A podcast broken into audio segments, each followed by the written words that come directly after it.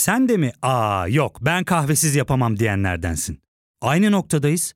İlk ve tek kahve üyelik uygulaması Frink'le tanış. Hem bütçeni koru hem de hiç bitmeyen kahvenin tadını çıkar. Yakınlarından terapinin onlara ne kadar iyi geldiğini dinlesen de kendin için bir şeylere başlamak zor geliyor olabilir. Ya da sevdiklerine yardım etmeye istekliyken kendi ihtiyaçlarını görebilmek.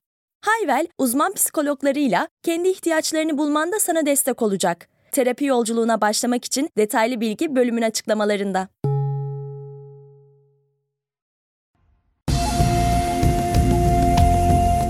Dünyaya fırlatıldığın bu serisinde felsefenin izinde yolculuğumuza devam ediyoruz.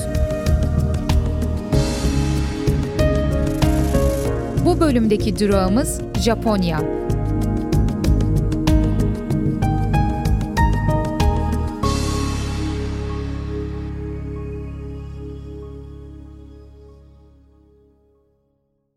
Bu bölümün başlığı sizi yanıltmasın. Çünkü bu içerikte seyahat iyidir, ufku genişletir şeklinde herkesin bildiği şeyleri bir kez daha söylemeye zahmet eden bir içerik yapmayacağım. Hatta biraz zihin felsefesi tartışacağız. Japonya'dayken seyahat etmekten gerçekten bunaldığım bir an oldu. Instagram'da sürekli görebileceğiniz bambu ormanları var ya devasa bambuların arasında insanlar fotoğraf çekiliyor epey meşhur. Oraya geldim çünkü Zen Tapınağı bu işte birkaç gün kaldığım yer çok yakındı. Ve hani orman gibi bir alan düşündüğüm için gerçekten çok büyük bir alan gibi düşünmüştüm. Tam olarak hayal ettiğim gibi olmadı. Japonya çok kalabalık. Ben daha böyle Japonya'ya gelmeden önce buranın planlarını yaparken Akyaka'da iki arkadaşımla YouTube'dan videoları izlerdik. İşte 4K çözünürlüğünde bir insanın yürürken çektiği şehrin görünümleri olur ya. Milyonlarca insan izlemiştir. Onlardan bir tanesi Kyoto'daydı ve böyle akşam bütün sokaklar bomboş, ışıklar var, yağmur yağıyor. Hep onu izliyorduk. Arka planda o dönüyordu ve şey diyordum işte bir gün ben de burada yürüyeceğim gibi bir şey söylüyordum. Oraya gitmek istedim. Şey gibi oldu. Expectation, beklentiler ve reality gibi oldu. Yürüyemiyorsunuz. O kadar kalabalık ki bir sürü ses. Fotoğraf çekmek için insanlar birbirinin üzerine atlamak üzere falan gibi böyle korkunç bir durumda. Hemen orada bir restoran vardı. Restorana oturdum ve restoranın içinden hani bir şeyler kaydetmeye çalıştım. Çünkü bir yandan da YouTube videosu çekmem gerekecek bunlarla. O yüzden biraz üzgünüm. Yani Japonya kesinlikle fotoğraflarda göründüğü gibi o fotoğraf spotları en azından göründüğü kadar güzel ama o spotlar o kadar kalabalık ki yani hani orada keyifli bir deneyim yaşamanıza imkan yok. Ormanda dolanırken gelecek destinasyonum olan Osaka şehrini düşünüyordum. Osaka ile ilgili de şöyle bir şey var. Yani özellikle böyle bir zen araştırmasına gitmek gibi bir niyetim yok ama her yerde şeyi görmüştüm. Japonya'da yapılacak şeyler işte Tokyo'dan sonra Osaka'ya git, ikinci büyük şehir ve neon ışıkları gör. Şimdi neon ışıkları görmek için niye kalkıp 2-3 saat trene biniyorum, Osaka'ya kadar gidiyorum, büyük şehir görüyorum, sonrasında da fotoğraf çekip geri dönüyorum ki diye düşündüğüm bir an oldu. Ve podcast'imi beni uzun zamandır takip edenler bilecekler. Ben baya böyle 18 Ocak'tan beri seyahat ediyorum takriben. Yani bu senenin 5-6 ay kadarında seyahat ettim ve bir seyahatim daha var Yunanistan'da. Bu listelerde hep görülmesi gereken her yeri böyle tiklemeye çalışıyordum. Bunu da yap, şunu da yap, burayı da çizelim şeklinde devam eden bir listeydim. Ama artık Japonya'da bir yerde bunalmaya başladım. Çünkü gittiğim diğer yerlere göre Japonya çok daha kalabalık, çok daha modern, çok daha turistik bir bölge. Ciddi derecede turistik bir kalabalık var. Sizin hiçbir şeyi tam olarak böyle keyifle yapmanız pek mümkün olmuyor. Bunu en son Bali'de cennet kapılarında yaşamıştım. Cennet kapıları da şu Bali'de hani şey var ya insanların ortasında durduğu ve fotoğraf çekildiği bir yer. Oraya gittiğimde insanların böyle bankadaki gibi numara aldığını ve 2 saat, 3 saat hatta 4 saat kadar sırada bekleyerek orada fotoğraf çekildiklerini görmüştüm ve dehşete uğradım. Nasıl yani? Cennet kapılarında fotoğrafım olsun diye 4 saat burada bekleyecek miyim diye düşündüm ve tabii ki de çektirmeden döndüm. O yüzden Kyoto'da ormanda yürüyemediğim zamanda bir an şunu düşünmeye başladım. Yani turistik yerleri görmeye, turistik eserleri, bir sanat eserini görmeye gerçekten gerek var mı? Pascal'ın bir sözü vardır ya insanın mutsuzluğunun tek sebebi odasında sessizce oturmayı bilmemesi diye. Seyahat etmek neye yarar ki diye düşündüm. Ve o noktada bu tura çıkmadan önce katılmış olduğum Ankara'daki Bilkent Felsefe Şenliği'ndeki soruyu da hatırladım. Bana şey diye sorulmuştu yani sen Budizm, Hinduizm veya Zen üzerine çalışmak istiyorsun ama bunun için oraya gitmene, bu kadar zaman ve efor harcamana, maddi kaynaklarını kullanmana gerek var mıydı? Yani kitaplardan da okuyabilirsin. O yüzden bu bölümde tartışmak istediğim şey şu. Gerçekten seyahat etmeye gerek var mı bir kolu bunun? Ama ana sorumuzu şöyle formülize edelim. Bir şeyi görmek o şey hakkındaki bilgimizi genişletir mi? Bu böyle tam takır bir zihin felsefesi sorusu. Tekrar ediyorum soruyu. Bir şeyi görmek ya da fiziksel olarak ona maruz kalmak, onu deneyimlemek o şey hakkındaki bilgimizi genişletir mi? Şimdi bunu şöyle düşünebilirsiniz. İki tane örnek vereceğim. Bir tanesi zihin felsefesinde, literatürde de kullanılan bir örnek. Mary'nin odası diye geçiyor bu argüman.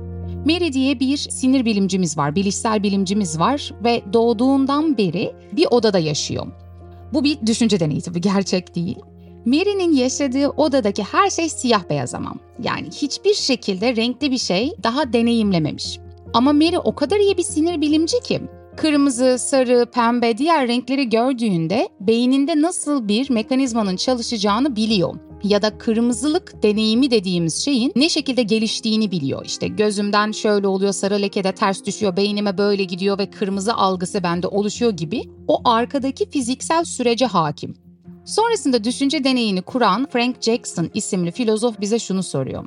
Diyelim ki Mary bir gün bilgisayarını açıyor. Hiç beklemediği bir anda ekranda birdenbire kırmızı bir elma ile karşılaşıyor. İlk kez kırmızıyı gören Mary'nin kırmızılığa dair bilgisi değişti mi? Genişledi mi? Yani bendeki o enformasyon ile o şeyi görmem arasında bir farklılık var mı? Tabi buradan Frank Jackson'ın ve genel olarak zihin felsefesinin gitmeye çalıştığı yer şurası. Eğer ki ben bir şeyi gördüğümde benim deneyimim genişliyorsa, deneyimimde bir farklılık oluyorsa demek ki benim beynimdeki fiziksel süreçleri indirgenemez öznel deneyim dediğim bir şey var. Yani bilinçlilik hale deriz ya ben özne olarak bir şeyler deneyimliyorum ve benim deneyimimin içeriği aslında beynimdeki fiziksel süreçlerden, nöral hareketlerden nitelik olarak farklıdır demeye giden bir süreç. Yani bazen beni dinlerken şey dediğinizi duyar gibiyim. Ya Dilara ne kafa ütüledin şimdi durup dururken ben seyahat diye bir içerik açtım. Hani biz şey tartışacağız zannettiniz muhtemelen. Çok gezen mi bilir, çok okuyan mı bilir diye. Aslında onu da tartışacağız da önce işin felsefesini yapıyorum. Arkadaşlar beni işin felsefesini yapmam için dinliyorsunuzdur diyerek de affınıza sığınmak istiyorum. Çok gezen mi bilir, çok okuyan mı bilir şeklindeki o klişe soruyu zihin felsefesi aracılığıyla düşünmeye davet ediyorum sizi. Şimdi bu Mary'nin odasındaki argümanı çok daha basit bir hale çevirelim. Hiç bal yemediğinizi düşünün. Bala dair her şeyi biliyorsunuz. Balın tadına dair bazı sıfatlar biliyorsunuz. Bal yediğiniz an farklı bir deneyim yaşar mısınız? Yani sizdeki mevcut bal bilgisine yeni bir şey eklenir mi? Soru bu. Çünkü bu soru bize şunu verecek. Eğer ki ben Google'dan veya kitaplardan açıp işte Osaka şehri hakkında her şeyi okusam, Oradaki insanların nasıl insanlar oldukları, nasıl davrandıkları, neon ışıkların neye benzediği her şeyi böyle incelesem internetten oraya gitmeme gerek kalır mı? Bunu anlamaya çalışıyoruz. Bu noktada bölümü ufak bir ara verelim, sonrasında kaldığımız yerden devam edelim. Ya fark ettin mi? Biz en çok kahveye para harcıyoruz. Yok abi, bundan sonra günde bir. Aa, sen Frink kullanmıyor musun? Nasıl yani? Yani kahvenden kısmına gerek yok. Frink'e üye olursan aylık sadece 1200 TL'ye istediğin çeşit kahveyi istediğin kadar içebilirsin. Günlük 40 TL'ye sınırsız kahve mi yani? Çok iyiymiş. Aynen. Hatta şu anda 200 TL'lik bir indirim kodu da var. E hadi hemen indirip üye ol da bu fırsatı kaçırma. Terapiye başlamak, içinden çıkamadığın döngüleri kırmak, bazı yanlış bulduğun kararlarını değiştirmek ve kendinle beraber daha huzurlu bir yaşam inşa etmek için atabileceğin en değerli adımlardan biri. Hayvel ile yoğun yaşam tempona uyum sağlayarak online terapi seanslarını takvimine göre ayarlayabilirsin. Bini aşkın uzmandan sana en uygun terapisti seçebilir, podb10 koduyla indirimden yararlanabilirsin. Detaylı bilgi açıklamalardaki bağlantıda.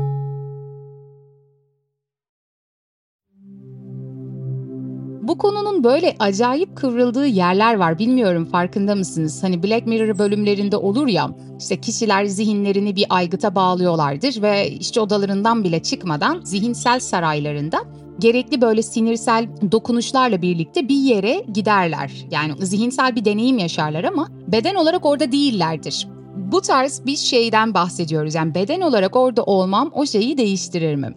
Çünkü eğer burada anlamlı bir sonuca varamayacaksak gerçekten böyle Euro'da almış başını gitmişken bütün kaynaklarımızı, zamanımızı ona buna harcamaya gerek yok. Ben de normal şartlarda felsefenin izinde yolculukla birlikte aslında bundan sonra önce Kudüs'e sonra İran'a sonrasında Mısır'a ve Fas'a gidecektim.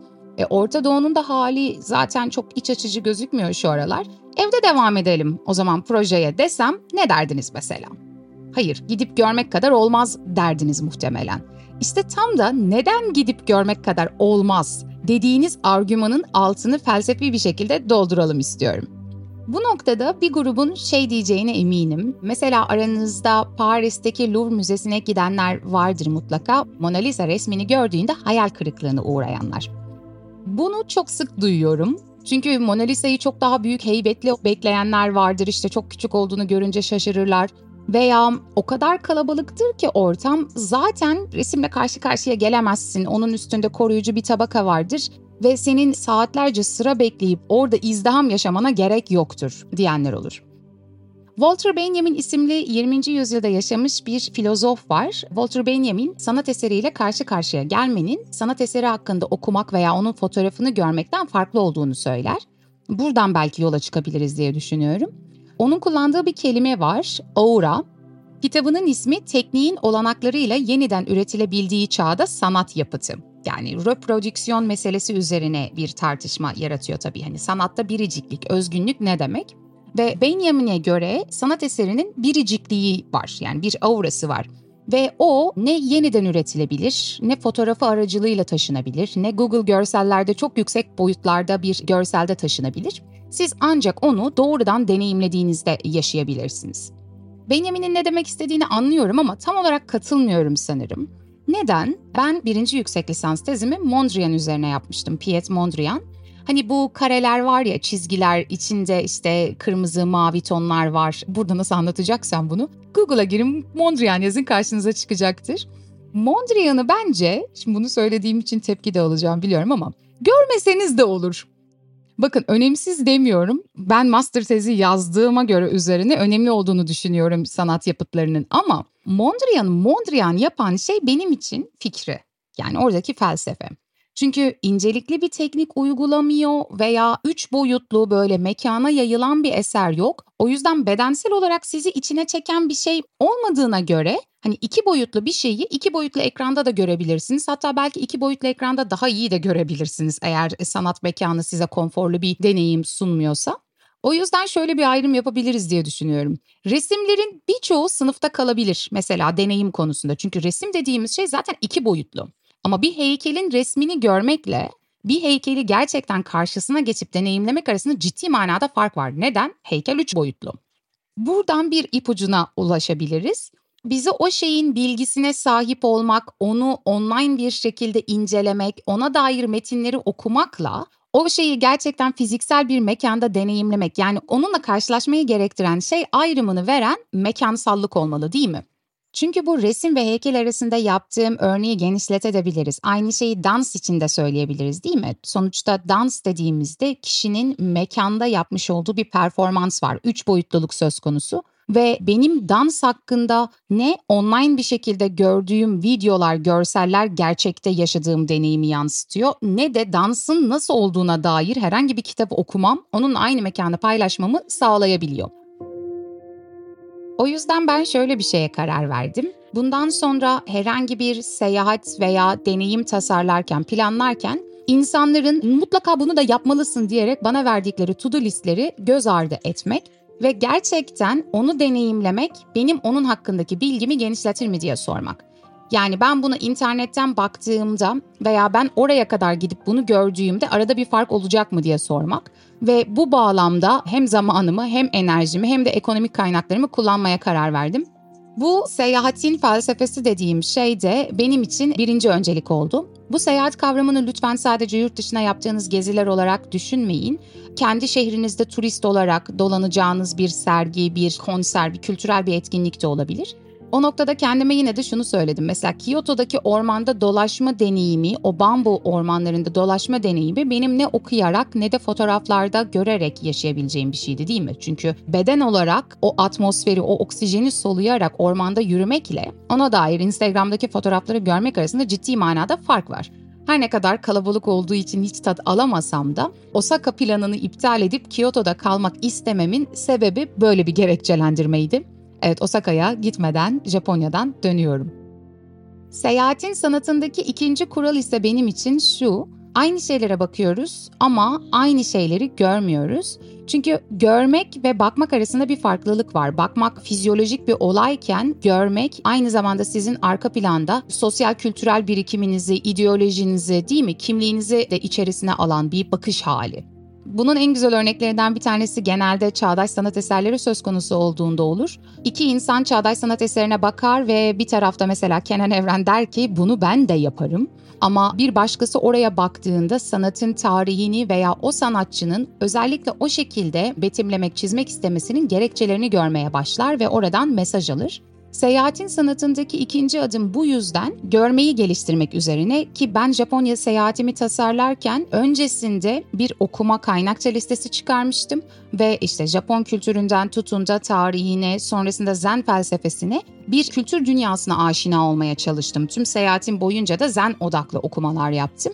Dolayısıyla herhangi turistik bir mekana gittiğinizde yemek servis ettiğinizde karşınıza gelen tepsideki o küçük küçük bir sürü yemeğin bile bir felsefesi olduğunu anlayarak onu yiyorsunuz. Bu noktada deneyimin kendisi de zenginleşiyor. Yani çok okuyan mı bilir, çok gezen mi bilir sorusunca çok okuyan bilir değil. Çünkü bazı şeylerin hakikaten gezip görerek o şeyin deneyimine katılarak ancak geliştirilebileceğini söyledik kural 1'de. Ama argümanı tam tersine çevirip okumanın önemsiz olduğunu da söyleyemeyeceğimiz bir yerdeyiz. Çünkü o deneyimi, o deneyimi yapan ve benim onu görmemi geliştiren şey ise ona ilişkin edinmiş olduğum bilgi yani kültür dünyası. Bu ikisinin birbirinin içerisine geçmiş ve biri diğerine indirgenemeyecek bir kurallar silsilesi olduğunu düşünüyorum. Önce okumak ve belirli bir kültür edinmek ve akabinde o şeyi gerekliyse eğer Instagram tuzaklarına düşmeden hakikaten gerekliyse bilgiyi genişletecekse deneyimlemek ve böylesi böyle kendi içerisine dönüşlü bir şekilde seyahatin tasarlanması bence bunun en ideal yolu olur. Bu iki maddeye dikkat ettiğimiz sürece seyahatin felsefesinin de hakkını verebileceğimizi düşünüyorum. Bazı şeyleri görmeye gerek yok demiş bulundum biraz böyle iddialı şeyler söylemiş olayım. Üzerine tartışmak isterseniz memnuniyetle sizin de fikirlerinizi dinlerim. Dinlediğiniz için teşekkür ederim. Gelecek bölümde görüşmek üzere. Meraklı kalın, yolda olun.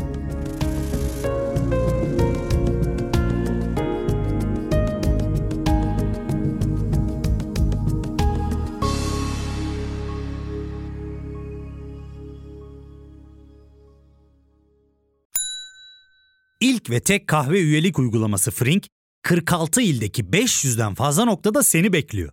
Açıklamadaki kodu girerek sana özel 200 TL'lik indirimden faydalanmayı unutma. Hadi sen de Frink üyeliğini başlat, kahven hiç bitmesin.